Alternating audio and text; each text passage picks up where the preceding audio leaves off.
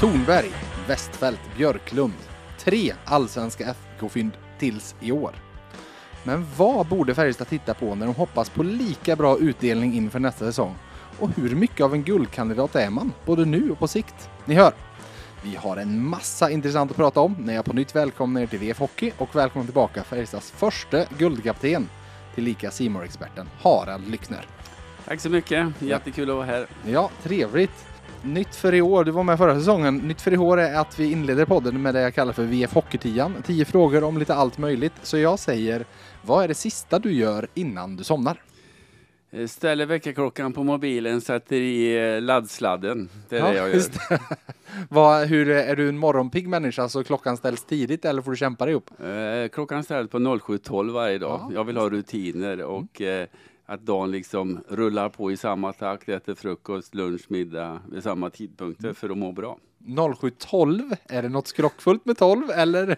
Ja, det var så att eh, min fru har gått i pension nu, men så länge hon jobbar så åkte hon hemifrån klockan sju och jag gick upp strax efter sju. Då fick jag läsa tidning och eh, dricka mitt kaffe och bryt mig över hela köksbordet precis som jag ville. Så att det var en ganska bra tid. Ja, okej.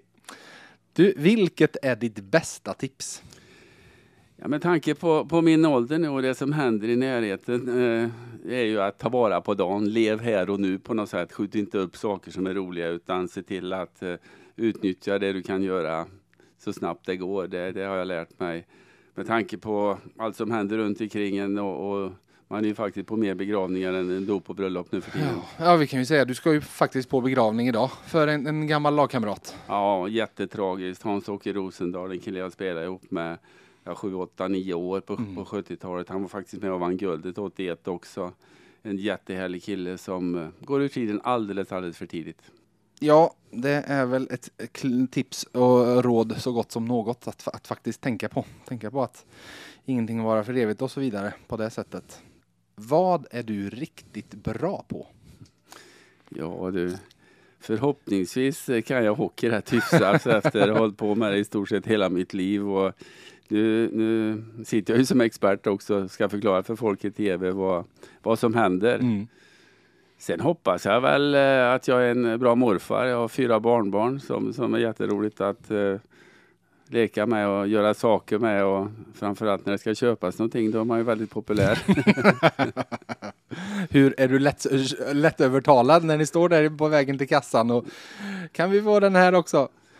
Ja, man får ju kontakta föräldrarna ibland, men barnbarnen har ju lärt sig att frågar du morfar direkt så brukar det lösa sig. Ja, exakt. Det är som jag brukar säga till, till eh, våra, våra barns mormor och morfar och farmor och farfar. Ni kan få släppa på för ni är mormor och morfar och farmor och farfar. Ni kan få skämma bort för ni är inte vardag. Så sett. Egna regler som gäller då. Ja, exakt. Det, så är det. Vilka tre appar på mobilen använder du mest? Eh, min... Eh, eh, vad heter det nu? Dels kvällstidningarna. Mm. Det, det försöker jag följa upp eh, väldigt mycket. Dels att eh, kolla resultat. Flash, ja, flash score, ja. Just det. Mm. Precis. Och sen är det mina mejl givetvis. Vi, Ja. vi kommunicerar ju mycket så i mitt jobb och, och med alla runt omkring. Så att det är väl de tre app- apparna. Mm. Vilken är din största last?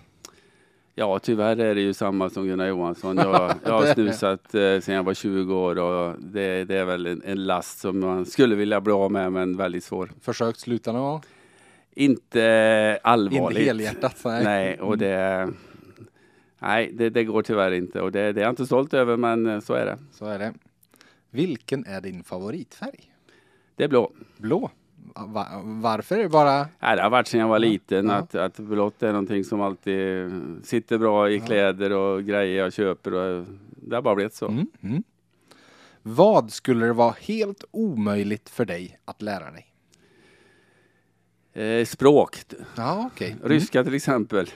Eh, arabiska. Ja, ja. Eh, jag har väldigt svårt för språk. Jag eh, knackar mig fram på engelska men i övrigt så, så har jag väldigt svårt för att eh, ja, lära mig det. Och jag har väl inte gjort några större ansträngningar heller, om jag ska vara ärlig. Men, men eh, det skulle man ju vilja vara Ja. bättre på. Mm, mm. Du vinner en miljon. Vad spenderar du den på? Ja, i min ålder så, så är det ju barnen man tänker på. Man tänker på barnbarn. Helst göra någonting tillsammans. Eh, Det gör vi ändå i och för sig. Vi reser en hel del och försöker göra roliga saker. Men då kanske man kan göra det ännu mer. Mm. Vi kan bjuda alla helt och hållet på Ja, världens, världens finaste resa. Ja. Vad äter du till frukost eh, när du har kommit upp där i din ensamhet 0712? Ja, men nu när jag inte jobbar så åker jag faktiskt till gy- gymmet på tom, tom mage. Ja, jag, Mm. jag brukar tycka det är skönare att gå dit utan någonting som skvalpar runt. Och så äter jag en lite senare frukost och då äter jag yoghurt, två smörgåsar och en kopp kaffe. Mm. Till sist då.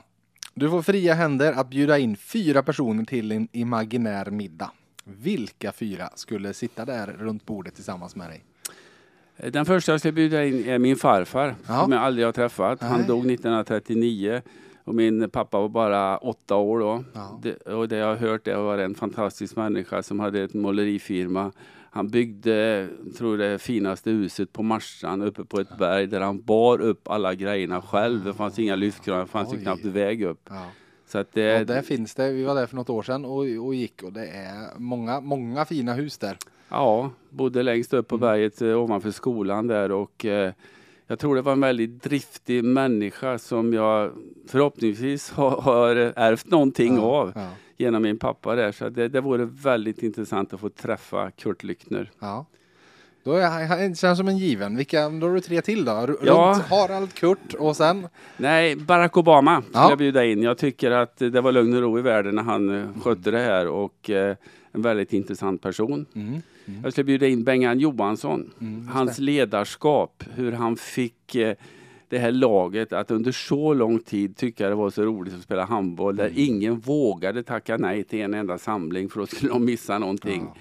Och hur fruktansvärt bra det Och, och laget då ska var. vi säga att handbollen har ofta tänkt på vad fruktansvärt mycket landslagssamlingar det är för att det är ju mästerskap hela tiden och det ska kvalas till de här mästerskapen och det ska vara OS-kval, det ska vara lite träningslandskamper och så vidare. Det, det är fruktansvärt mycket matcher. Ja det är ju det, men, men de blir ju som ett klubblag kan Ja. man säga. Och Bengan är ju lite rolig, jag har ju lyssnat på honom vid några tillfällen. Han, de hade ju inte så mycket pengar i handbollsförbundet så han bodde ju ofta hemma hos spelarna.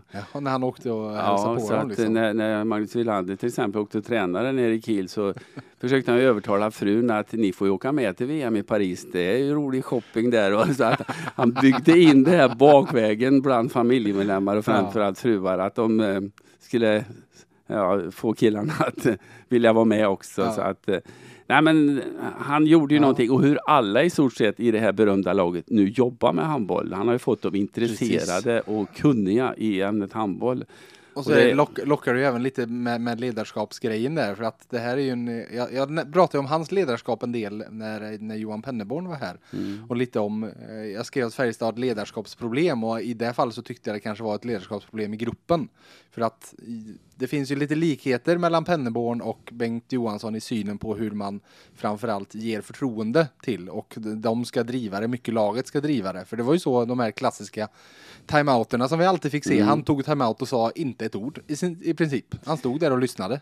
Nej, han har ju lurat dem fullständigt. Han kunde ju öppna en gurkburk och så kom ju Wislander och Löfgren. Så det kan vi inte göra. Men hur ska ni göra då? sa han. Och så fick de göra det själva. Så han, han lurar ju dem att, Ja. att ta tag i det själva. Jag skulle kunna bjuda in lika gärna Conny Evensson. Ja. För han har precis samma egenskaper. Ja. Men Conny träffar jag ju när jag vill ändå. så att han kan äta middag med när som helst. Ja. Han Ja, har då precis har- samma egenskaper. Att, att få en grupp att ta ansvar, vara delaktiga och prestera. Mm. Men du, då har du en plats kvar i alla vi ändå säger att Conny, Conny är för lättåtkomligt till, Ja. till den här middagen. Nej, det har jag funderat lite grann på. Jag är otroligt golfintresserad, spelar Mm. otroligt mycket golf och vi ska väl ha någon kvinna med. Så Annika Sörenstam, Mm. hur hon blev världens bästa golfspelare genom sitt sätt att träna, sitt sätt att tänka och var under så många år. Det skulle vara intressant att höra hur hon eh, la upp det där och framförallt hur hon gjorde. Spännande clash med Annika och Barack Obama tror jag också. För hon har väl haft lite, lite högersympatier i USA tror jag. Så att det, får du det lite där har jag ingen aning om och det, är- vi ska inte... Nej, det finns otroligt många Ja. intressanta människor men eh, jag tror Ja. det kan bli en, en intressant middag. Ja, det tror jag verkligen. Och, och, eh, li, lite engelska för dig i alla fall och träna på språk också. Ja, ja, men då, då kör vi bara. Ja. Du, vi sitter här och eh, 2023 har inletts. Eh, igår så hade vi ett Färjestad som igen, får vi säga, kom tillbaka från ett underläge som såg hopplöst ut eh, och faktiskt fick med sig en poäng eh, uppe i Luleå. Eh, var, var, var, placerar du Färjestad just nu? Hur, hur, hur ser du på deras säsong hittills? Ja, jag är grymt imponerad över deras resultat. Mm. Alltså man tittar på guldlaget i fjol och de spelare som man har tappat. Så det de har gjort i år, det, det, är för mig en, en överprestation nästan. Och så tänker man på skadeläget när mm. Åslund, Linus och Ejdsell är borta igår. Det är en rätt hyfsad kedja. Mm. Hur man ändå lyckas få med sig en poäng uppifrån Luleå. För jag tycker det är ett rån om man ska vara ärlig. Ja, ja. Alltså de spelar ju i Färjestads zon hela tiden. Det jag såg i alla fall. Och... Ja, alltså det var, det var ju en, en, sekvens där när det började rinna på i andra perioden. Då syntes det ju att det var ett Luleå som har förlorat väldigt mycket och blev rädda. Men jag skrev min krönika tidningen idag att ja, men då tänkte man efter den perioden nu det här Luleå, de kommer knappt våga åka ut på isen i tredje perioden. Men det var ju Dennis Hildeby mot Luleå i tredje. Det var ju nästan, det var nästan Färjestads sämsta period i matchen igår, tredje. Ja, så var det Jag fick ju flashback på den här 0-8 förlusten. Ja, ja. Eh, redan i, efter när de gjorde 2-0. Då tänkte jag, det här, var ska jag sluta? Så jag slog faktiskt över och tittade på en annan match då. För jag tänkte det här. Men sen så, så var det ju 4-4 där och, och bud på 5-4, 6-4 ja. faktiskt. Det var tur för Luleå att det blev en paus ja, där. kunde ju ha gjort 5-4 på, på det där läget. Absolut. Han bara fått upp pucken lite till. Mm. Men det är hockey, det är hockey mm. nötskal. Men jag, jag tycker Mitell har fått in någonting i det här laget. Dels är det ett grundspel som alla köper, utför och tror på. Mm. Dels så lyfter han ju väldigt många spelare till en nivå som eh, man inte trodde att de skulle hamna i. Så att de gör nytta för laget. Och sen är det ju spetsspelare som ändå drar lasset och, och nu var ju några av dem borta igår men eh, mm Nej, jag tror ändå att de, de måste trycka upp och bredda det här laget om de ska vara med hela vägen ut i vår. Det, det är liksom känslan jag har just nu och jag vet inte hur Wallin resonerar där och vilka resurser det finns för det. Men jag är imponerad av hur de har tacklat den här säsongen. Innan, innan vi, vi landar där, i det du, det du var inne på, alltså vilka förväntningar hade du på laget inför säsongen? Jag hade inte så stora förväntningar med tanke Nej. på dels försvarande mästare. Försvara, man kan ju inte försvara någonting. Det är ingen som kan ta ifrån dem där utan det är en ny tävling som man ska gå in i. Men man tappar, för mig är ju eh, centrallinjen väldigt, väldigt viktig i ett lag och Rydahl och Delaros eh, får man inte underskatta deras betydelse. Och sen vart det ju liksom lite tomt på centersidan innan Ellie kom och det, det är ingen svensk center för mig så, som Nej. är tvåvägscenter. Ejdsell får, får vikariera, Westfält visste man inte så mycket om så att det såg ut som ett stort, stort frågetecken. ville de inte spela som center och han har nästan bara spelat center. Ja, precis. så. Mm. Så, så, att eh, det var ju tunt på marknaden. Det var mm. jättesvårt för Wallin att få ihop det där så jag, jag liksom tänkte att eh, det kommer väl så småningom. Och det är utifrån det också som jag tycker de har gjort det så bra. Mm. Du var inne på det med skadorna eh, och jag skrev också i min krönika efter matchen igår om att det är ett ohållbart läge att hålla på så här. För nu pratar Mitell igen efter matchen om det lite nya skavanker och så vidare. För det är ju det här som, som blir följden. För visst, eh, varken, alltså Linus Johansson är på väg tillbaka. Det är kanske inte nästa vecka men veckan därpå. Och med både Åslund och Ejdsell, det är förslitningsskador eh, verkar det som. Så det ska inte vara, ingen av dem ska vara borta jättelänge men det kanske är borta en vecka eller så. Men som jag skrev, ja, men vilka är det som har gått sönder när de kommer tillbaka? Då? Vilka har fått dra ett lite för tungt lass nu? Eh, jag förstår, du har ju stått i båset när det har varit sådana här lägen när man liksom har hamnat i en ond cykel där det, där bara kommer grej på grej som följd på det, som följd på det, som följd på det liksom. Ja, det, det är ju jättesvårt att hantera och, och, en avvägning hur man ska agera med, mm. med medical team tillsammans med tränare. Vilka kan och vilka kan inte spela och där måste man ju vara lite försiktig för man måste ju tänka långsiktigt också. Ja. Det kan Färjestad göra nu med tanke på tabellplacering och, och, och alltihopa medan Malmö och HV till exempel, Brynäs där nere, de måste ju köra all in och chansa lite ja, grann i det läget de är. Så att det är ju ganska bekvämt för Färjestad. Ja, jag såg en intervju på, på eh, Studio Odds, tror jag det heter, som Hockeysverige eh, gör. Där de hade Stefan Skugga Nilsson som gäst och pratade om att jag tror väl Joel Lassinantti har ju stått typ 31 av 33 matcher i SHL och så har de väl spelat Mattias Ward i COL nästan uteslutande och han bara ja, vi, i det läget vi är så känner vi vi kan inte vila honom. Eh, lite så. Och det är klart, då, då hamnar man ju i en jäkla tuff sits. Ja, och på tal om CHL där. Alltså jag, jag tyckte nästan det var skönt. Bra Mm. att Färjestad åkte ur där. För tänk om de skulle spela två tisdagsmatcher mitt upp i alltihopa det här. Mm. Eh, det är ju tur att det är två matcher i veckan för dem med tanke på skadeläget nu. Men det blir ju en oerhörd eh, press och, Mm. och slitage på, på laget när man ska vara med i två olika serier här. Mm. Och det, då måste man ha en bredare trupp och det har inte Färjestad i år.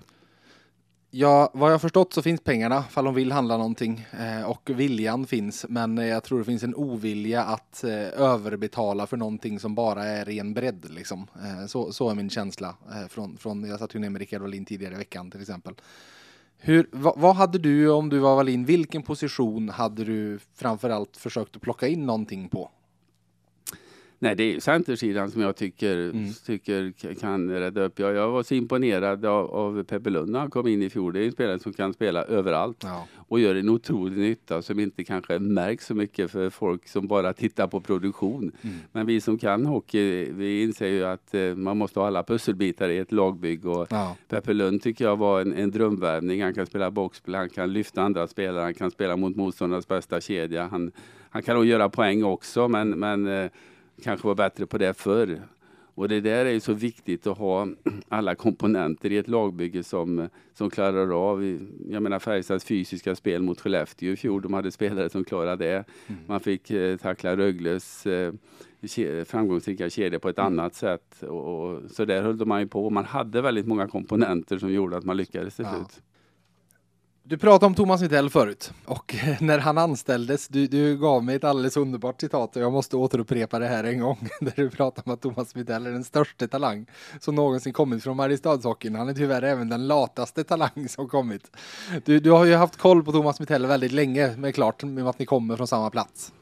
Jo men så är det ju. Men det är ju ett eh, hockeygeni för mig på något sätt. Han, han är oerhört duktig taktiker och, och kan få ut det mesta ur ett lag genom att eh, ställa krav Mm. på ett väldigt fint sätt. Han, hans jobb, det var väl Rodin också inblandad med Göransson Ginning i fjol till exempel. Ja. Det, det, man kan ju inte bara köpa in spelare, man måste utveckla spelare också. Ja. Att de liksom skulle klara av eh, att spela box, första boxplay-par i en SM-final. Det, det hade inte många trott när vi började fjolårets säsong. Nej, Adam, Adam Ginning tror jag landade SM-slutspel, eller finalserien var det jag kollade på. Jag tror han hade tredje eller fjärde mest istid i Färjestad. Ja. Och menar, vi satt ju och tittade på honom i slutet av grundserien fortfarande och kände att det här är en säkerhetsrisk varenda gång Karn kommer in på isen. Mm. Nej då, men, men jag behöver inte dra en spelarkarriär. Han var ju med och spelade upp en massa lag, men han bytte. Han ville Ja. inte spela en högre serie. Däremot Nej. tränarkarriären kom han ju in på ett eh, bananskal där i, i Västerås. Han har skrivit ett längre kontrakt med Västerås var de två sista åren han skulle in som eh, assisterande Ja. tränare. Och det var ju till Filander. Mm. Han började jobba där. Och, eh, Blev du, alltså du som hade koll på honom innan, blev du förvånad att, alltså så här rent generellt, någon, någon, en hockeyspelare som inte har riktigt, det har vi pratat om själv, det är ju inte, att han hade inte viljan att lägga ner sig så mycket. Han satsade inte, han var inte tillräckligt seriös och han hade ju bland annat pokerspelandet som han, Mm. som han verkligen ville satsa på vid sidan, så han lät inte hockeyn ta all tid i världen. Blev du förvånad? Det är liksom inte den spelaren man ser kommer att bli en given tränare sen. Nej, där håller jag med dig. Alla spelare som har väldigt lätt för sig, de tycker ju allting är så självklart Ja. så de kan ju inte förstå att det ska vara så svårt. Och ur den aspekten så är jag väldigt förvånad att Thomas är där han är idag. Mm. För att när han gick in som assisterande där i Västerås hade han och boxplay, lite powerplay, detaljer med backarna och så vidare. Så tänkte jag, det där är ju ett sätt bara att att liksom få, mat på bordet. Ja. Men, men sen när han eh, gick vidare och framförallt året med Jeremy Colliton i, i Mora tror jag var fruktansvärt givande för honom. Där de connectade på något sätt. Och Ja. Så pratade jag med honom, då vart han ju erbjuden att ta över Mora när de gick upp. Han tyckte det var för tidigt att eh, ta ett SHL-lag. Då går han till AIK Mm. som kanske är det tuffaste jobbet i Hockeyallsvenskan med tanke på allt runt omkring i en storstad och fans och så här. Ja, Men mycket prat- åsikter känns det som det Ja. runt den klubben från alla håll och kanter. Men det pratar jag mycket med henne i och med att vi vill bevaka Just det. Hockeyallsvenskan i, i mitt jobb där och varit väldigt imponerad över hur han eh, pratade, hur han utförde och hur han utvecklade det laget. De, Mm. de vann ju faktiskt Hockeyallsvenskan och spelade Hockeyallsvensk final mot eh, Oskarshamn där. Mm. Och det tror jag att han inte fick bestämma allting själv om man ska vara riktigt ärlig. Jag Nej, och det har väl Gossi- pratats om eh, målva- Ja. målvaktsval Mm. och så vidare. Att, eh, Mm. Nej, men hur som helst så, så vart ju en, en intressant resa tillsammans med Jeremy i, i, Colleton Chicago, ja. Colleton i Chicago. Ja. Och det tror jag också gav han en, en helt annan dimension på hur man ställer krav. Alltså nu tror jag, spekulerar ja, ja, bara. Ja, ja. Kravställningen där borta, hur man jobbar på Mm. lite annat sätt i världens bästa liga. Mm. Som han tog med sig när han kommer hit. Och eh, det tycker jag han tacklar väldigt, väldigt bra från första dagen han kom in. Mm. När han eh, ja, hinner ta fem minuters samtal med samtliga spelare. Kommer en fredag kväll, gör det lördag morgon, går ut och slår Frölunda med 3-0 med Hildeby i mål. Mm. Och sen eh, har jobbat utifrån det fram till ett SM-guld på kort tid. Egentligen ska man ju sluta då. Ja, ja, har man ju alltså. liksom visat vad man går för. Men jag tycker även den här säsongen så, så finns det utveckling bland spelare och i laget som man Mm. är imponerad av. Mm. Vad skulle du säga är hans, hans styrka som tränare? Vad är det framförallt? Ja, det man kan se utifrån nu, man måste ju sitta i ett omklädningsrum, höra taktiksnacket, höra matchgenomgångar, höra hur han är på träningar. Ställer du frågan tror jag du han släpper in dig vet du. Ja, det är möjligt.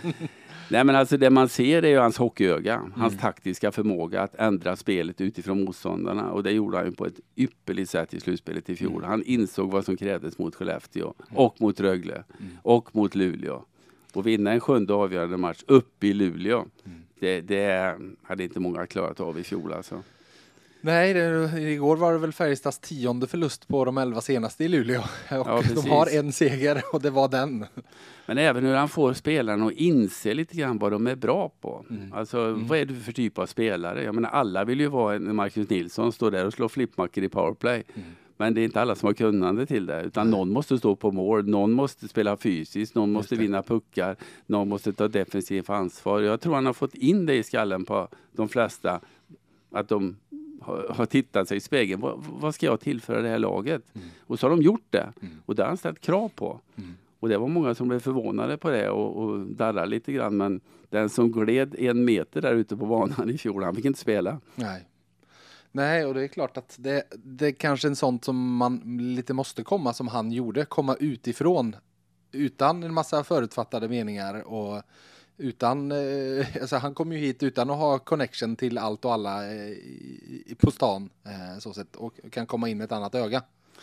Ja, jag tror att det är viktigt att man kommer in och liksom tar för sig då för att Mm. vi har varit med tidigare till exempel när, när eh, Czernecki kom hit så var hela staben kvar. Och det var inte riktigt bra för Czerneckis skull. Men jag tror Mittell, han, han fick eh, både Rodin och Pressberg att tända till lite grann.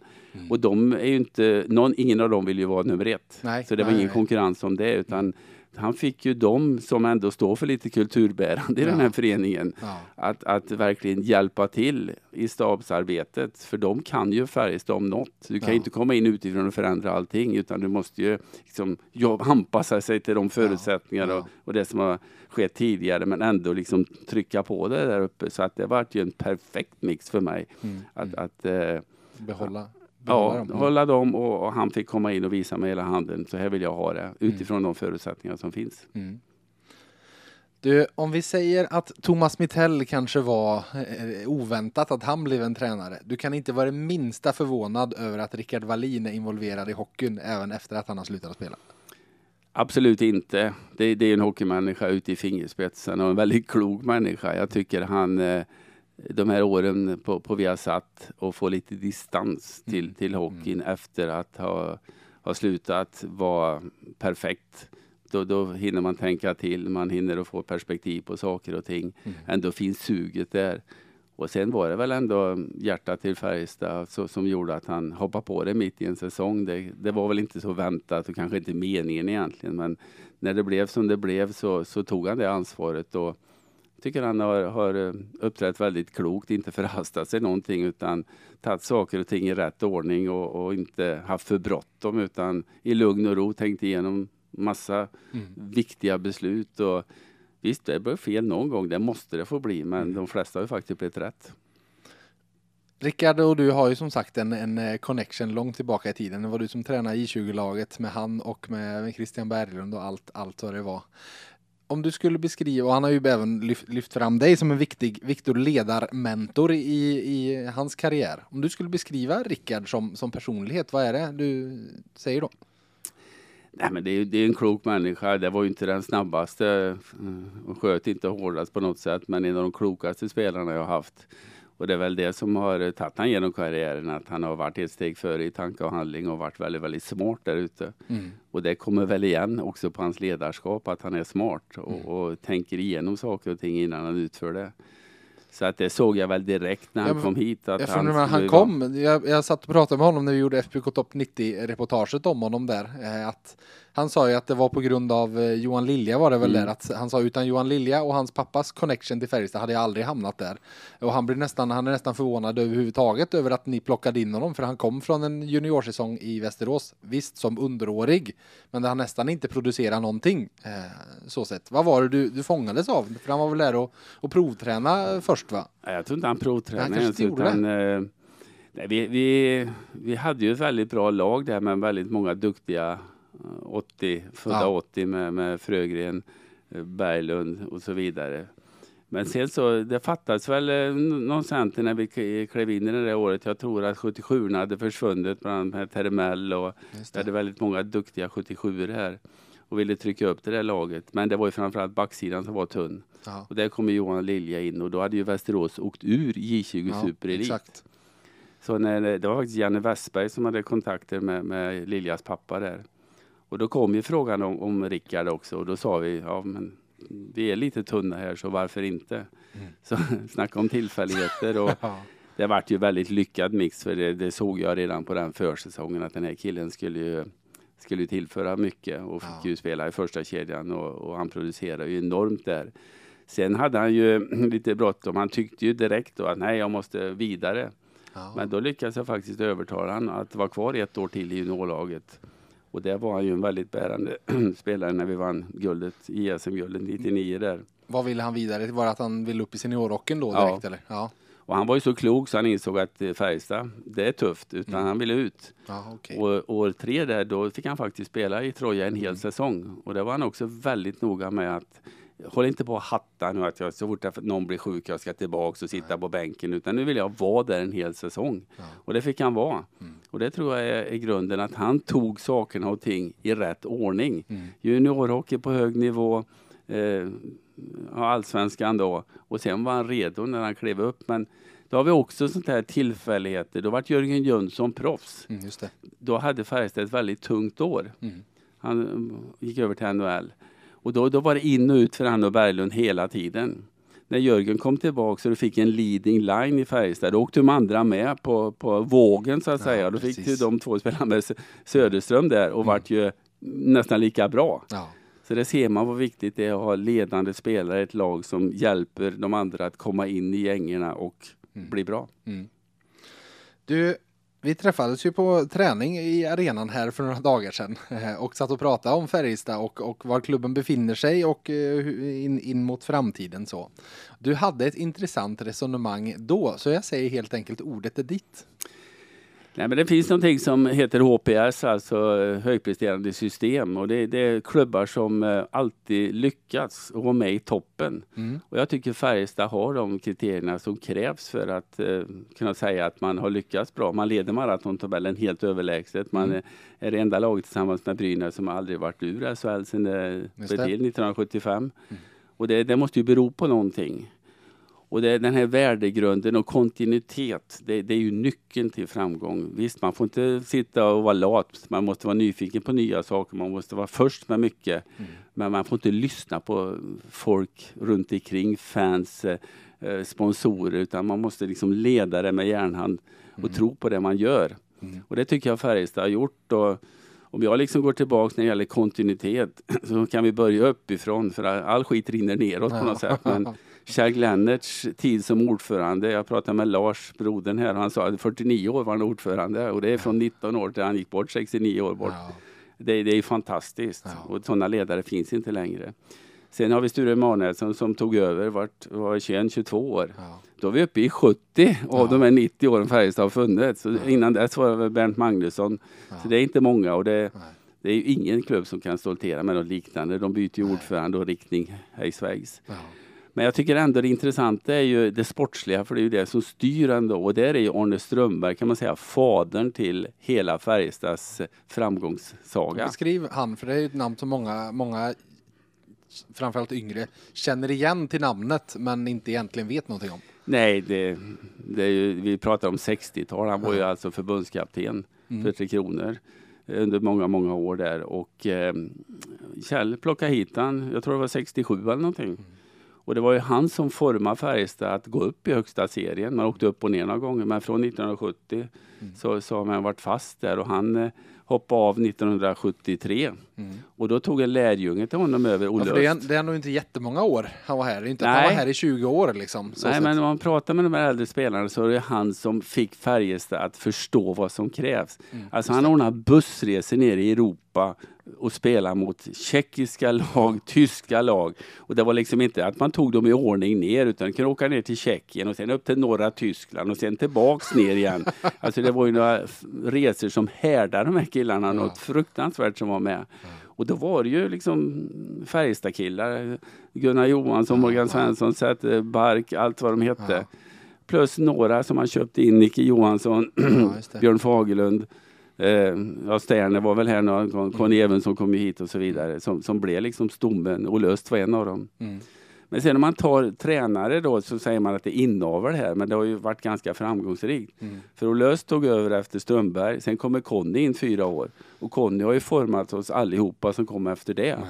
För efter Conny så kom Kisen Olsson, mm. som var tränare. Conny kommer tillbaka. Mm. Eh, sen, sen, kommer Bäckman, Per Bäckman har ju varit med i den här skolan. Sen kommer jag som är fostrad av de här. Precis. Och sen kom Jörgen Palm i ett år och det var kanske det enda året Färjestad var nära att åka ur mm, när man åkte mm. ner i, i Hockeyallsvenskan och fick kvala sig kvar. Men sen har vi ju Eh, Tommy Samuelsson, Gunnar var ju tränare ett tag där, vi, vi har Bengt-Åke mm. och så vidare. Så Leif Karlsson. Mm. Sen har vi ju tränare som, som inte har varit här, men Peter Andersson har lyckats ganska bra. Mats Lust har varit uppe ja, ja. I, högst upp. Så och kul var Jörgen nu också till ja, exempel. Ja, ju, precis. Ja. Jörgen Jönsson inte minst. Ja. Så, så, att eh, eh det kul var väl nästan den första utifrån som kom in här och, och det visade sig att han passade in här på ett jättebra sätt. Fick Gunnar med sig. Så det, där har du ju den kopplingen. Och sen var det väl då Czernecki och, och, och eh, Melin. Mm.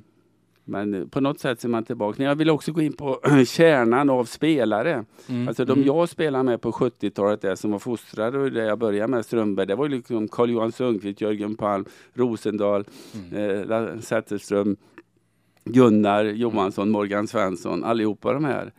Och hur jag sen tillsammans med Tommy Samuelsson, Rönnqvist, Lob fick, fick liksom ta över det där. Mm. Mm. Och sen kom ju då eh, Thomas Rodin, Greger, mm. Mattias Johansson, Claes Eriksson mm. mm. som fyllde på det där. Och sen då Pressberg, Nordström och så kommer mm. Jörgen in och leder laget i många, många år. Berglund, Frögren, Uh, Wallin kommer upp. Det, det, var liksom en röd tråd i allting som man tappade runt 2011. Mm. När, när uh, det var lite hattande i många år. Och det, alltså man måste ju anpassa det till tiden. Mm. Det är en ny tid, man flyttar, KL kommer in, det finns möjligheter, mm. folk blir mobila. Mm. Eh, men nu känner jag på något sätt att man är på väg tillbaks till, till den här Färjestad-andan med långtidskontrakt. Det är spelare som trivs här, vill mm. vara här. Eh, familjerna eh, umgås med varandra som vi gjorde förr. Och Nygård skriver sexårskontrakt till exempel. Det, mm. eh, Åslund har ju varit här hur länge som helst. Det börjar formas en sån här riktig kärna igen som, mm. mm. som lär Westfält, lär Tornberg. Så här gör vi i Färjestad och det här är eh, inbringar framgång. Och det tror jag är väldigt viktigt att man på något sätt behåller och även kommer ihåg historien. Vad är det som har lett till att Färjestad är där man är idag? Mm. Det finns mm. folk som har jobbat för det och då finns det folk vid sidan om också som mm. nämnde Kjell Glenner, eh, Hjalmarsson, Bob Björk, eh, Kalix Fredén, allihopa de här som utan dem så hade inte Färjestad funnits där de är idag. Nej. Och sånt där tror jag kan vara viktigt att ha med sig emellanåt att det finns folk som ligger bakom det här. Mm. Hur ser du framåt då? Med, med den här ryggraden, man, man kan ju också Alltså motargumentet är ju såklart, ja men har du för många, eh, inte för många ryggradsspelare, men har du för många eh, som har på långa kontrakt, det kan vara lätt att bli bekväm och så vidare. Eh, att, att man är, ja men det är ju motargumentet till, till det liksom. Hur, hur ser du på den faktorn? Nej, men där är ju, jag tycker staben och, och drivet och kravställningen väldigt viktig hur man Mm. hanterar det. Och det, just nu tycker jag det är riktigt, riktigt bra i Färjestad. Det är någonting som man måste behålla. Men sen får man inte vara, vara rädd och liksom förnya och gå vidare. Man måste ju hela tiden utvecklas. Mm. Mm. Men idag är det pengar som styr väldigt, väldigt mycket. Mm. Och, och man kan ju köpa sig till framgång. Och det ser man ju på lag som kommer upp. Jag menar Växjö har gjort det jättebra men det, man säger köpelag men det var faktiskt Färjestad på 60-talet Ja. också för att liksom etablera Det är sig. väl alla som, som bygger upp liksom. Ja. Man måste börja någonstans. Men till slut måste du ändå ha en, en, en föreningsverksamhet som gör att du blir attraktiv på juniorsidan, kan fostra egna spelare också för att hålla i längden. Mm. Så, så, så känner jag lite grann. Men eh, vi ser Djurgården till exempel som jag ska åka och göra ikväll. De är i Mm. Hockeyallsvenskan, det är mesta mästarna. Mm. Och när de kan åka ner i Hockeyallsvenskan, när HV kan åka ner, då kan det drabba vem som helst. Och det är inte lätt att ta sig upp. Det är många Nej, lag nu- som är med. Exakt, ja men eh, man, man kan ju för, alltså, titta, Luleå spelade SM-final och nu fick de två poäng igår. Men hade de förlorat igår då hade vi liksom pratat att det är bara någon enstaka poäng. Eh, och det är lätt, ja, när du hamnar i den där onda cykeln så kan det gå väldigt fort neråt i den här spiralen. För vem som helst. Alltså, Ja, det är Luleå, så jämnt. Luleå har varit ett jättestabilt topplag i SHL i ganska många år innan det här. Det är inte som att de men, säg, att, säg om Brynäs skulle åka ur nu. Eh, då kan man ju ändå titta, ja men Brynäs har varit i botten i sju, åtta år. Eh, man har kunnat se tecknen liksom. Eh, men Luleå har varit i toppen i sju, åtta år och nu är de där nere och kämpar. Ja, man får aldrig ta något för givet utan Nej. man måste jobba hela tiden för att hänga med utvecklingen och, och ha lag som kan prestera. Och jag tror just att det hände HV och det Mm. hände Djurgården har fått många att liksom tänka till lite grann. Att Jag tror nästan det- HV gjort folk än mer rädda. Mm. Eh, alltså i Djurgården där har du ändå faktum att de har alltid kämpat lite med ekonomin kanske i Stockholmshockeyn och inte haft samma, framförallt med HV, inte samma möjligheter att göra pengar på sina evenemang. HV har ju alltid varit i toppen av löneligan och det laget de åkte ur med var så de lastade på under den säsongen så skulle jag nog gissa att det var SHLs dyraste trupp som åkte ur serien.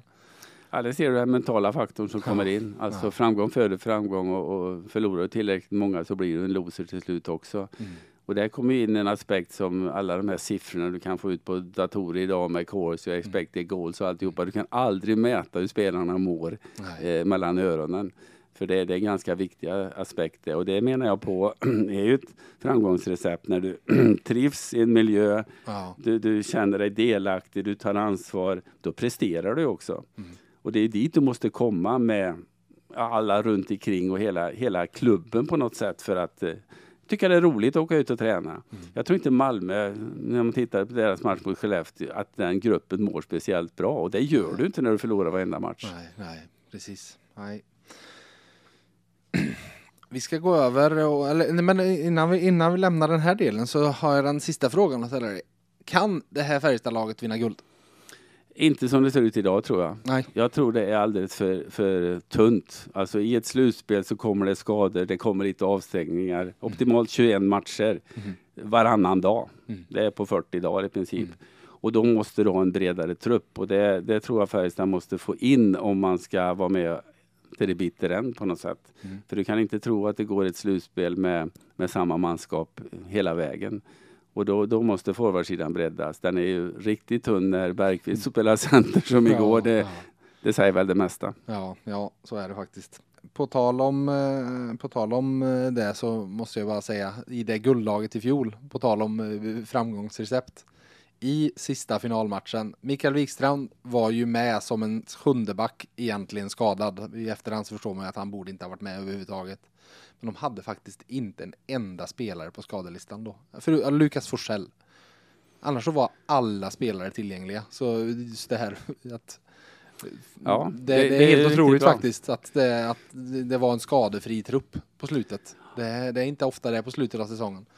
Nej men så är det. Jag brukar ha fem saker som jag har lärt mig Anders Sten bland annat. Vi har diskuterat som krävs för att vinna. Ja, Och det är målvaktssidan är nummer ett. ja. Sen är det boxplay, powerplay. Mm. Sen är det att kulturbärarna, nyckelspelarna bär laget. Mm.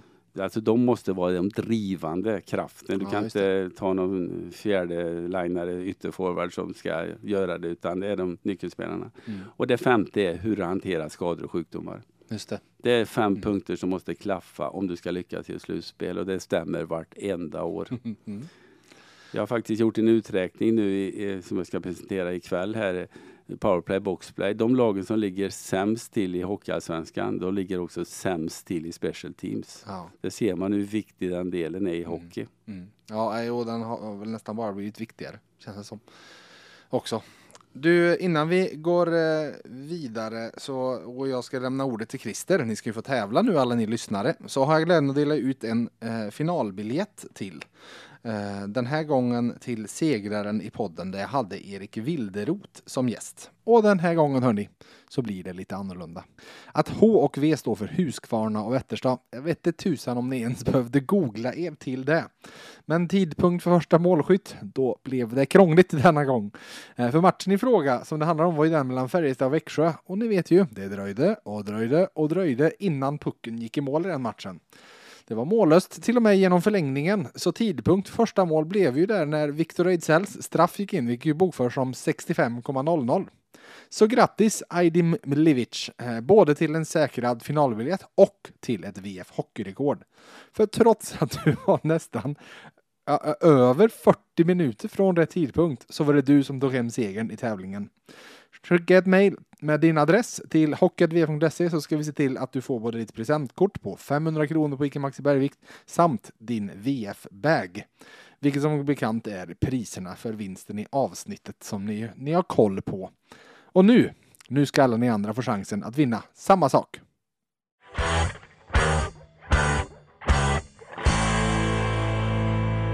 Hej! Christer med personal här. Vi på Maxi Karlstad älskar hockey och kunderna förstås. Harald Lyckner, denna hockeylegend, var kapten och fick lyfta bucklan när Färjestad 1981 tog klubbens första SM-guld. Vi undrar, vilket lag besegrade man i finalen? Lycka till, så hörs vi i nästa avsnitt av VF Hockey. Googla lugnt.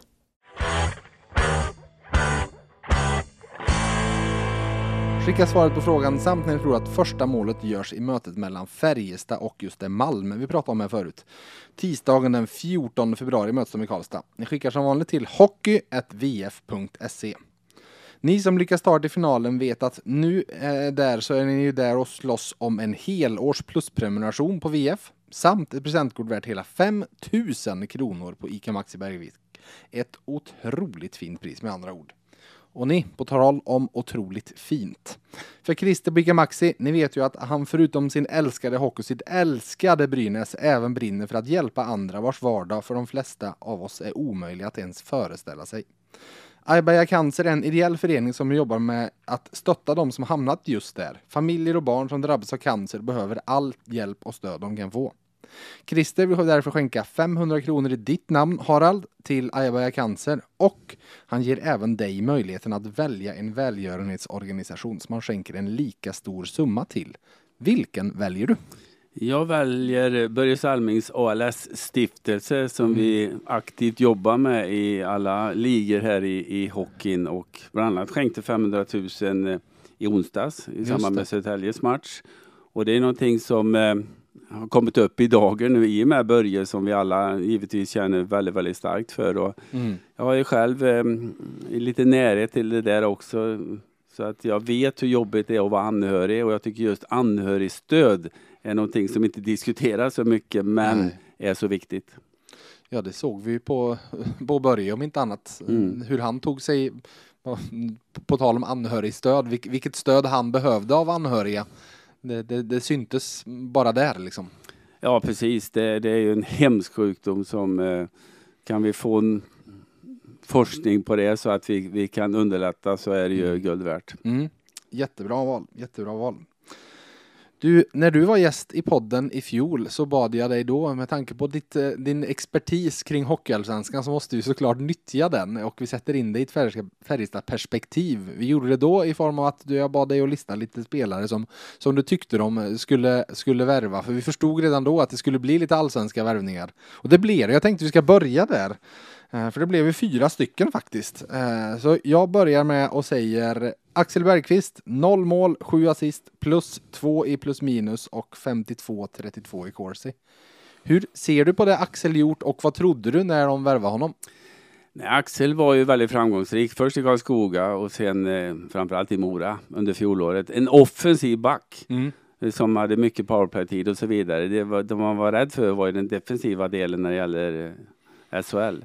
Men jag tror Wallin tror på han skriver treårskontrakt och här måste man ge det tid och, och, och jobba långsiktigt. För att eh, det, det saknas saker i det defensiva spelet som jag ser det. Mm. Ehm, Så att det, det måste man jobba med och vi ser hur de gjorde med Göransson Ginning som vi var inne på. Så, så man får aldrig ge upp men, men han har en bit kvar för att eh, tillföra det man hade hoppats och trott. Mm. Det känns som att men, det känns som att det är en situation med tanke på treårskontraktet utan stress det här året. Eh, han, han är ju en härlig personlighet och en positiv och glad människa och men han har varit sjundeback under vissa perioder och inte spelat så mycket eh, likt han var. Nu var han till och med fjärde center igår. Eh, det känns inte som att han blivit så stressad av det utan att han vet att det här är ett läroår och han behöver det här läroåret. Ja men sen har han ju, ska säga, den enes bröd den andres stöd. Men, Ja. men i och med att Lennström var borta så länge så fick han ju Det ändå mycket istid som han kanske inte hade fått annars. Och det Mm. var en, en bra läroperiod för han så att eh, man ska aldrig ge upp. Han har en bit kvar som han måste ta tag i och det är bara han själv som kan liksom göra det och det tror jag han är beredd att göra. Mm. En som inte kan klaga på istiden, han har haft 17-18 i snitt, är August Thornberg. Två mål, fyra assist, eh, plus 12 i plus minus och 53-30 i Corsi är siffrorna på August.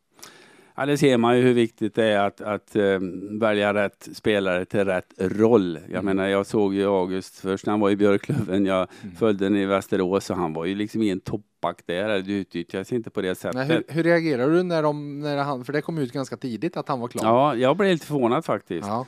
Men det, där har ju eh, Wallin scoutat honom med hjälp av siffror och allt Ja. möjligt på ett utomordentligt sätt. Och just den rollen som han har där så är det för mig en väldigt, väldigt överraskning, positiv överraskning. Mm. Jag trodde inte han var mäktig att, att prestera det han har gjort. Nej. Det måste jag säga och det, det är alltid roligt när det blir åt det hållet. Jag har ju blivit överraskad över hans offensiva initiativ. Hur han liksom tar pucken och åker på lite soloräder. Var det något man såg även i Allsvenskan? Inte så ofta faktiskt, Nej. för han fick inte mycket powerplay-tid heller, varken i, i Västerås eller i Björklöven, utan han var lite längre ner på den skalan. Men det, det tycker jag också är ett tecken på att man har kommit in i en grupp där man vågar ta för Mm. sig, man vågar göra saker och det gör du på grund av att du är bekväm i, Mm. i, i gruppen och i rollen. Och det är precis det vi har pratat om hela tiden. För att Mm. lyckas så måste du, du känna så. Höve måste vara med också. Så är det. Marcus Westfeldt, 6 mål, 4 assist, 12.49 i istid i snitt, plus 3 och 53.57 i Corsi. Ja, det är sådana där värvningar man måste göra. Alltså, man kan ju titta på, på toppspelare, första linare i, i Hockeyallsvenskan, men det är man ju inte värvad till Färjestad för, för de har de, de två Ja. första centrarna klara. Utan det är en kille som står under utveckling, han får ta en lägre roll i laget. Och jag menar, han har gjort det på ett ypperligt sätt, hur han har kommit in i föreningen och, och tagit sig an SHL-hockeyn. Och sen har han ju fått kanske lite mer speltid på grund av eller tack vare skador och sjukdomar nu, men jag tycker han har gjort det jättebra. Mm. Och det, där ser man vad viktigt det är att liksom, vad är det för karaktär? Vad, Mm. vad är det för kille? Hur är han i omklädningsrummet? Jag menar, han var i Västervik och det är ju svårt att liksom glänsa på det sättet, Mm. men då får man gå in och liksom specialgranska saker och ting och eh, det är en mycket, mycket bra värvning av, av eh, hela staben här att, att hitta den typen av spelare. Mm. Mm. Och det sista, den vi väl alla hade kanske bäst koll på eh, innan han kom, men som tyvärr nu inte spelat. Men innan han åkte på sin smäll, Henrik Björklund, så var det fem mål, sex assist, 15.53 i istid i snitt, plus 1 och 52.89 i Corsi. Ja, jag är inte ett dugg förvånad att, att uh, Björka lyckas här. För att han har gnuggat på och varit en av Hockeyallsvenskans bästa forwards under många, många år i olika roller. Mm. Mm. Eh, han var ju duktig i, i Karlskoga, spelade fyra år uppe i Modo under eh, bland annat Björn Hellkvists ledning. Och där fick han spela en checking line. Mm. Han spelade mycket boxplay. I och för sig var han med i powerplay i första uppställningen. Men det är klart, har du Jonathan Jonsson, Tambellini, Karlqvist i första linan Mm. som man hade då, då är det svårt att ta en plats där. Men jag tror att det bredda Björkas register från att bara vara offensiv även till defensiv. Mm. Men hans driv, alltså hans brinnande driv för att vinna Mm. var ju han som bar hela Karlskoga. Mm. Och det, jag hoppades, och det har ju visat sig vara rätt också, att han tar med sig det när han kommer in här också så han inte liksom tar den andra Mm. och bara åker med. Utan han har ju visat samma egenskaper här. Lite tungt i början och sen när det väl lossnar så gjorde han ju poäng varenda match. Ja. Sen är det ju väldigt, väldigt sorgligt att, att han åker på den här smällen som ger ett stopp i karriären. Mm. Vi kan inte göra annat än att hålla tummarna för att han mår bra snart igen och kan börja spela som, som alla, alla, alla som hamnar i liknande lägen. Men nu, vi ska titta lite framåt. Eh, för Färjestad kommer ju behöva fynda igen. För att det, det, dels så jag tror det finns, det, det var en del kontrakt som gick upp i lön till i år. Jag tror det finns några av de här längre som tar ett kliv till till nästa år. Det är inte helt ovanligt att, att det är skrivet så. Eh, dessutom så har de ju redan fyllt på med en spelare i Magnus Nygren som vi ju vet inte går in på jag tror, han, han, jag tror lönen har droppat en del mot vad det kanske har varit förut för att han fick ett längre kontrakt och han har sin ålder som han har nu. Men det är fortfarande inte en som går in på en allsvensk lön. Så det kommer nog behövas att Wallin, Wilderot och Hansen är nere och fyndar igen i allsvenskan. Eh, jag tittar mot några olika positioner för vi har ju Matt Tomkins och Dennis Hildeby och där Hildeby är utlånad från Toronto det här året. Han har kontrakt med Färjestad i Europa ett år till om han skulle vara kvar här. Men med det nya NHL-avtalet så har Färjestad under andra året av Toronto-kontraktet ingen makt. Så Toronto kan säga att du ska spela i AHL och Färjestad kan inte säga någonting. Wallin, vi pratade om Hildeby här i veckan och han sa att än har de inte haft någon kontakt överhuvudtaget. Toronto är ju inte riktigt där i sin säsong än, men vi, jag, jag tror nog att det Färjestad får räkna med är att Dennis Hildeby försvinner och då försvinner det en bra backupmålvakt som väl kanske gissar ligger på 30-40 tusen i månaden max. Det vore passande att hitta något liknande, något billigt. Vilken målvakt i allsvenskan bör Rickard Wallin titta på? När det gäller målvaktssidan så är man ju helt, helt lost alltså. När, när eh, Grana tog in Nilstorp då frågade han vad har du gjort Ja. nu? Hur tänker du? Vänta ska du se, sa han. Det var ganska bra. Det blir ganska bra. Arvid Holm Ja. från Karlskrona, då tänkte man herregud, nu är de väl ute och cyklar. Ja. Men de fick ganska rätt där också.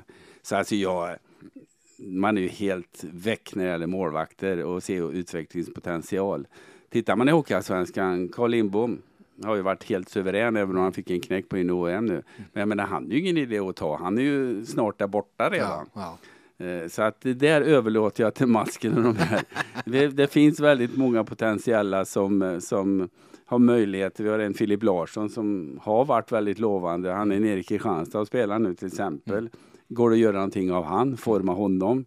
Eh, Det, det finns... Eh, Han har faktiskt stått i båset i en Färjestad-match. Ja, det har han faktiskt gjort. Ja. Ja, då känner gjorde de sin han lite grann. Ja.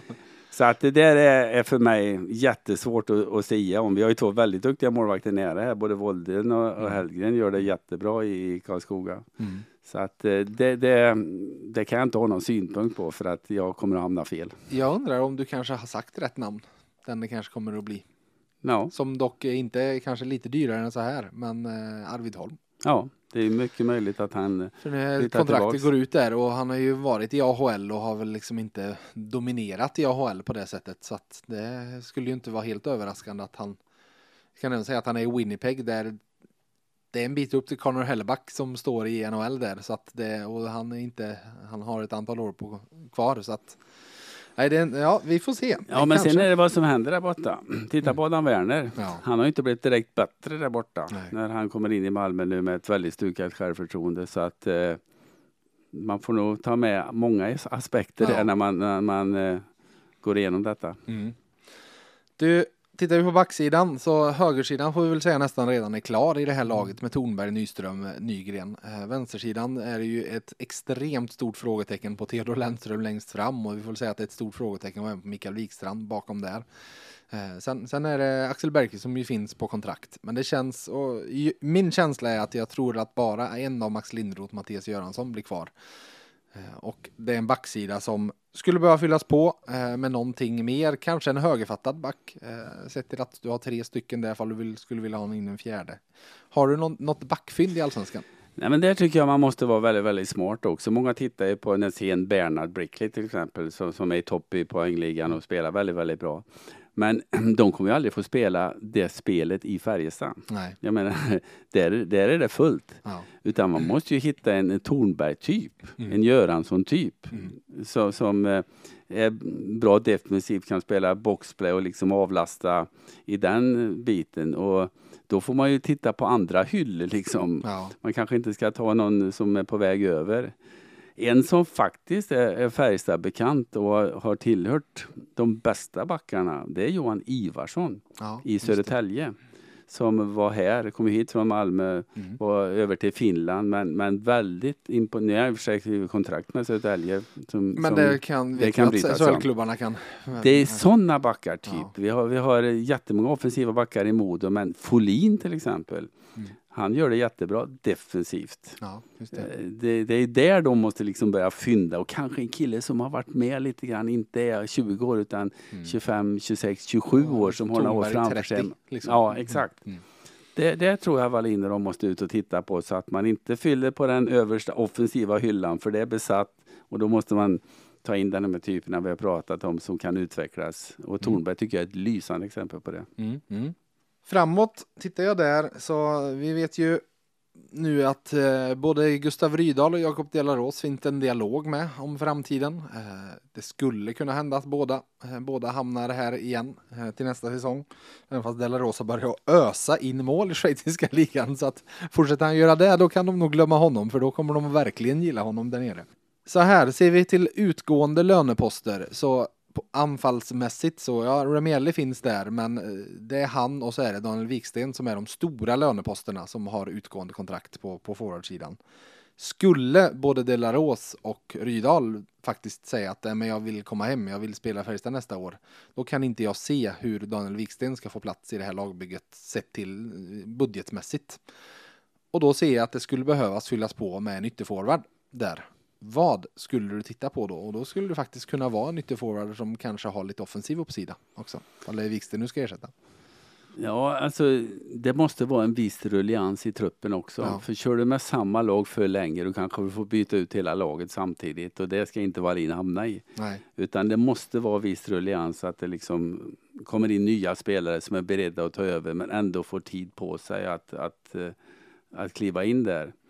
Och det är precis samma sak där. Tittar man på, på toppspelarna, Woods till exempel, Schilke i, i Björklöven. Men då ska man ju spela första, andra powerplay. Men där har ju Färjestad spelare. Mm. Det var ju samma, nu kommer jag inte ihåg namnet, men den här finske spelaren vi värvade in till Färjestad för några år sedan. som- Leskinen. Ja, exakt. Ja. Han kom ju in vid fel tidpunkt för då var ju Linkan så het så han spelade ju 1.40 powerplay. Ja. Och det var ju ett dilemma för honom.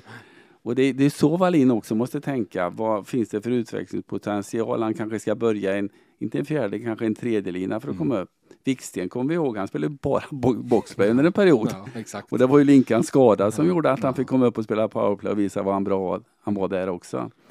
Så att det är också en hylla man måste vara väldigt eh, noga med att titta på vilken typ, vilken karaktär, var i karriären är han, vad Mm. kan vi förvänta oss framöver?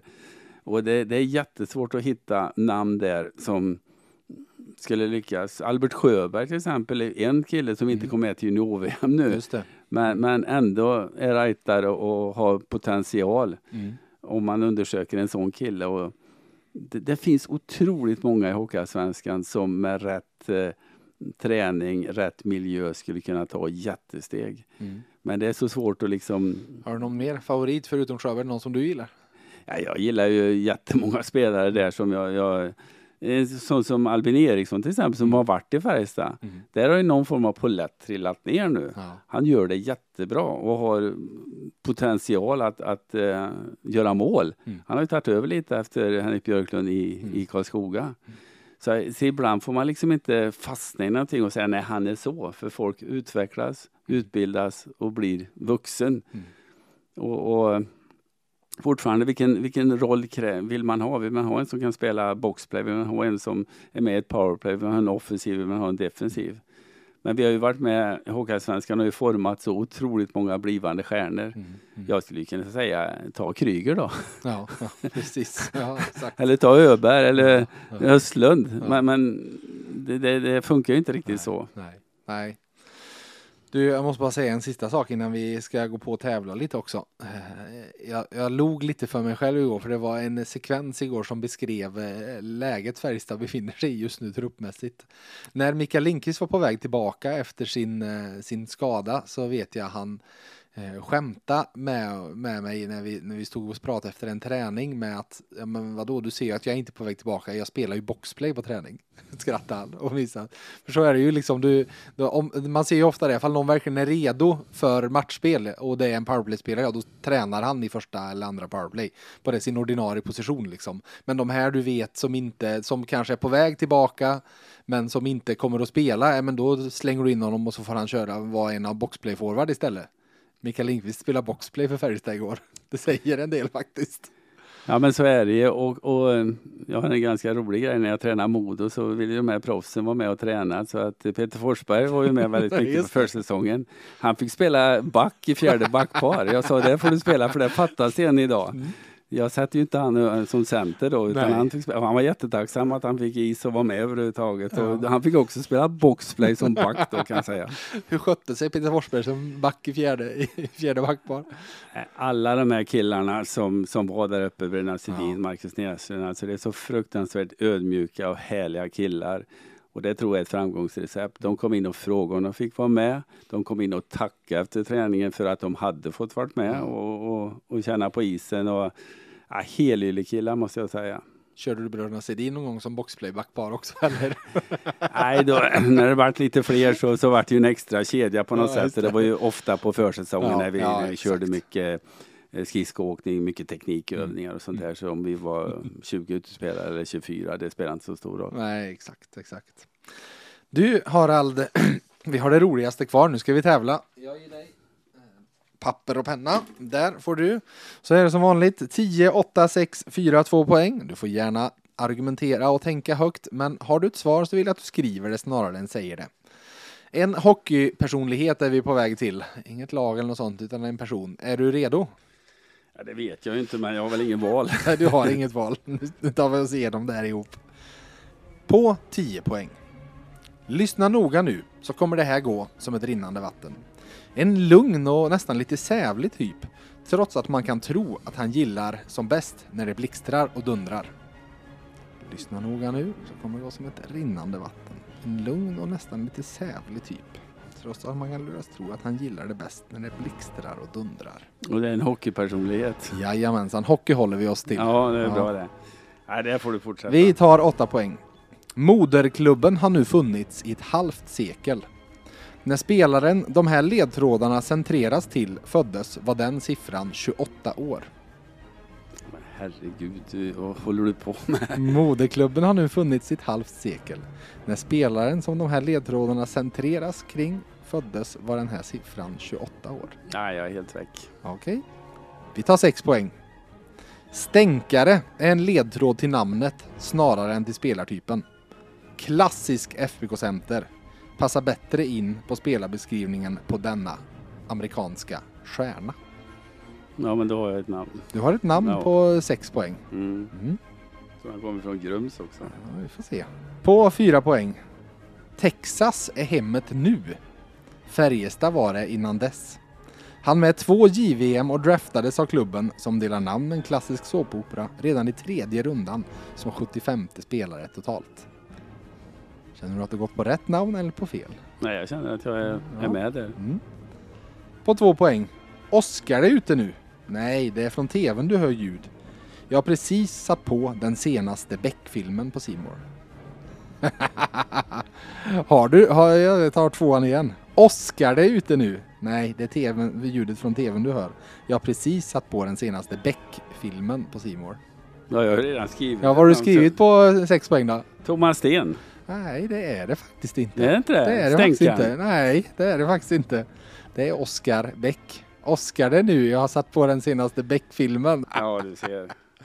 Stänkan kallar vi ju faktiskt Ja, Thomas Sten. exakt. Men det, det är ju Den här klassikern i Beck. Det är klassikern i Beck som är stänkare Ja. och där var Beck ledtråden. Det var väldigt mycket ordvitsar i Ja, det denna. var ju något fruktansvärt mycket ordvits. Ska vi, ska vi ta det från 10 poäng? Lyssna noga nu så kommer det här gå som ett rinnande vatten. Vad är ett rinnande vatten Ja, för det något? är ju en bäck, ja, det är en bäck. En lugn och nästan lite sävlig typ. Ja, det är en beskrivning av Oskar Bäck det som personlighet. Trots att man kan tro att han gillar det bäst när det blixtrar och dundrar. Vad gör det då? Ja, då, då Oskar är ju ute. Oskar ja. är ute, ja. Mm. Moderklubben, det här var jag funderar på. För vilken klubb firar ikväll 50 år? Ett halvt sekel. Det är ju på din hemmaplan. Ja, Hammar, Hammarö HC. Ja. Eh, Men när spelaren här till centrerades, det fick du positionen på honom, Mm. föddes så var den siffran 28 år. För han var ju, han är 22 så Hammarö HC var 28 år när han föddes. Och sen stänkare, det drog du med Martin Bäck, eh, Ingvar Hirdvalls one-liner är det väl Mm. därifrån. Klassisk FK-center, passar bättre in på spelarbeskrivningen den här amerikanska stjärna. Vad spelar han i för någon klubb? ja, han är vid Dallas va? Ja, men och i Texas Stars. Mm. Så att det, där hade du amerikanska stjärna. Och Texas hemmet nu och så vidare. Och klassisk såpopera var ju Dallas och så vidare. Mm. Där hade vi det. Ja, nej, det var, det var men då lurade faktiskt. jag dig på stänkare med andra Ja, jag ord. Ja. Jag har inte... Alltså han har gått lite förbi mig lite grann. Ja. Visst, han var i, ja, du måste ha gjort honom i Karlskoga det Ja, det året jag. ändå. Där Ja. gjorde han det väldigt, väldigt bra. Och sen tycker jag han... eh, Jag han tänkte på honom när du sa om Rickard Wallin, för det var ju samma sak där, att han på samma sätt som Wallin ville vara i Troja ett helt år utan Mm. hattande, så bad ju Oskar Bäck om att få vara i Karlskoga ett helt år utan jättebra, hattande. jättebra. Sen tror jag att eh, ibland blir det ju så här att man hamnar i en situation som gör att du formas som spelare. Ja. Eh, både han och eh, Jakobsson kom in och gjorde det jättebra som fjärdelinare men de var ju producerande spelare som juniorer. Ja. Men det tappar de ju Mm. när de, de hamnar där och var där allt för länge för att liksom kunna gå vidare. Mm. Och det, ibland är det jättebra att spela, ett, det kan vara bonde i ett stjärnlag. Mm. Det är kanske bättre att vara stjärna i ett bondgäng. Mm. Mm. Och jag vet jag själv också var väldigt producerande när jag kom hit men hamnade ändå i en ganska defensiv roll. Och spelar man med Lobo, Rundqvist och allihopa de här då, då kör du inte första powerplay men Nej. fick vara med och vinna i en annan roll som Ja, spelare. Det, ja. det tyckte jag var, var guld värt för mig. Mm. Men, men eh, många vill ju framåt och vi pratade om det tidigare också att eh, man tänker ju mer på sig själv nu än på laget. Ja. Och, och, eh, Men det går Mm. ganska bra för Oskar Bäck borta i Nordamerika faktiskt. Han har ökat poängsnittet lite i Texas Stars där i AHL eh, till den här säsongen. Så vi får väl se. Det känns som att han är ju på NHL-nivå så skulle han ju hamna i det facket. Han skulle hamna som fjärde, tredje, max tredje center liksom. mm. Eh, Så vi får se ifall han hänger i och tar kliv och eh, faktiskt kan få chansen där. Ja, men där har du ett typexempel. Han Petersson också som kom hit från Precis. Frölunda fick en liten annan roll men ändå inte första rollen. Nej, Och så går man dit bort och, och får, får sin dröm uppfylld och spelar NHL hockey. Det är väl, det är väl stort. mm, ja men verkligen. Du Harald, stort tack att du kom och tjötade hockey. Tack själv Johan. Och till er lyssnare, vi hörs på måndag igen. Då är det dags att ta ut ett nytt veckans FBK-lag. Tills dess får ni ha det så gött.